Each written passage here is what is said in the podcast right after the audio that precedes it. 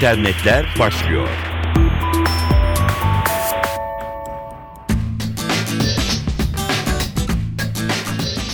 Merhaba, dijital dünyadan öne çıkan gelişmelerle karşınızdayız.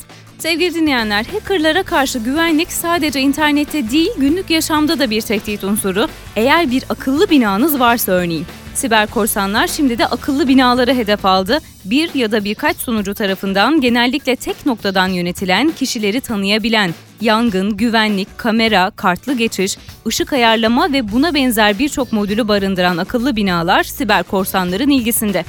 Amerikan İstihbarat Kurumu FBI tarafından yayımlanan rapor bir uyarı niteliğinde. Rapora göre son olarak Amerika Birleşik Devletleri'nde korsanlar bir akıllı bina yazılımına sızmayı başardı. Buldukları açık sayesinde binanın iç ısı ve havalandırma sistemini yönetebildi.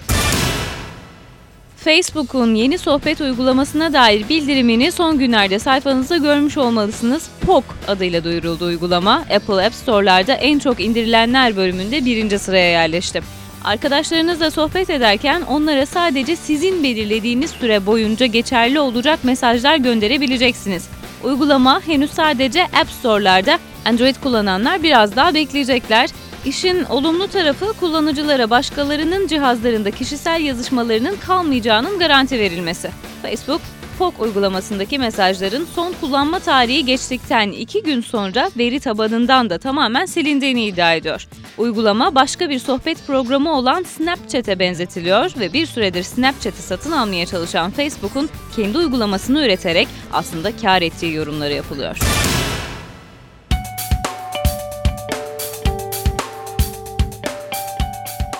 Zaman zaman kullanıcıların sosyal medya ağlarına dava açtığı bilinir ama bu örnek son zamanların en önemlisi. Bir kullanıcı Instagram'ın yeni düzenlediği kullanım politikasından memnun olmayınca sosyal medya ağını dava etti.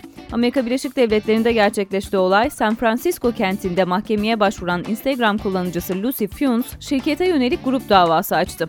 Funes, hizmet kullanım şartlarının ihlal edildiğini ve kendisiyle çevresindeki diğer kullanıcıların bundan olumsuz etkilendiğini öne sürdü.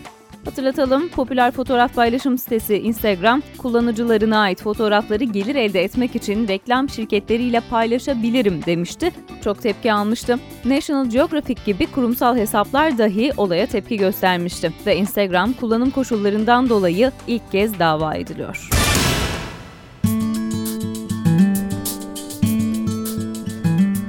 İran sivil savunma yetkilileri ülkede bir elektrik santralini ve diğer bazı sanayileri hedef alan bir virüs saldırısı gerçekleştirildiğini açıkladı. Uzun zamandır İran tarafından saldırıya uğradıklarına yönelik bir haber açıklama gelmiyordu. İranlı yetkililer Stuxnet bilgisayar virüsüyle yapılan saldırının bertaraf edildiğini ve ülkeye yayılmasının engellendiğini öne sürdü. Saldırının doğrudan Hormozgan eyaletindeki bir elektrik santraline düzenlendiği de belirtildi. Stuxnet, İran için tanıdık bir virüs adı. 2010 yılında da ülkedeki nükleer enerji geliştirme tesisleri aynı virüsle hedef alınmıştı. Fakat bertaraf edildiğine dair gelen haberlere bakılırsa zararlı virüs bu kez etkisiz kalmış. İran, daha önce karşılaştığı saldırılarda da Amerika Birleşik Devletleri ve İsrail'i suçlamıştı. Masa üzerinden ulaşabildiğimiz programlar yani bilgisayarımıza yüklü gelen programları artık internette de kullanmamız mümkün. Google'ın hizmeti Google Apps'in üzerinde de birçok ürüne ulaşmak mümkün. Google'ın girişimcilik bölümünden sorumlu başkan yardımcısı Emmett Singh, bilgisayar kullanıcılarının %90'ını Google Apps kullanmaya ikna etmeyi hedeflediklerini belirtiyor. Google Apps aynı zamanda bulut üzerinden tam senkronizasyon da sağlıyor. Çalışanlar uygulama üzerinden birbirleriyle bağlantıda kalabiliyorlar ve tüm işlemleri bulut üzerinden gerçekleştirebiliyorlar. Böylece önemli bilgiler çalışanların bilgisayarlarında kalmamış oluyor. Bilgisayar doküman programlarının kullanıcılar tarafından yaygın olarak kullanıldığı Microsoft'ta da benzer bir hizmet bulunuyor. Microsoft Haziran 2011'den bu yana ofis hizmetlerini bulut üzerinden sunuyor.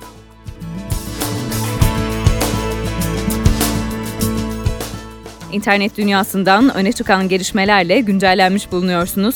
Önerilerinizi Twitter'da Dilara Eldaş hesabına iletebilirsiniz. Hoşçakalın.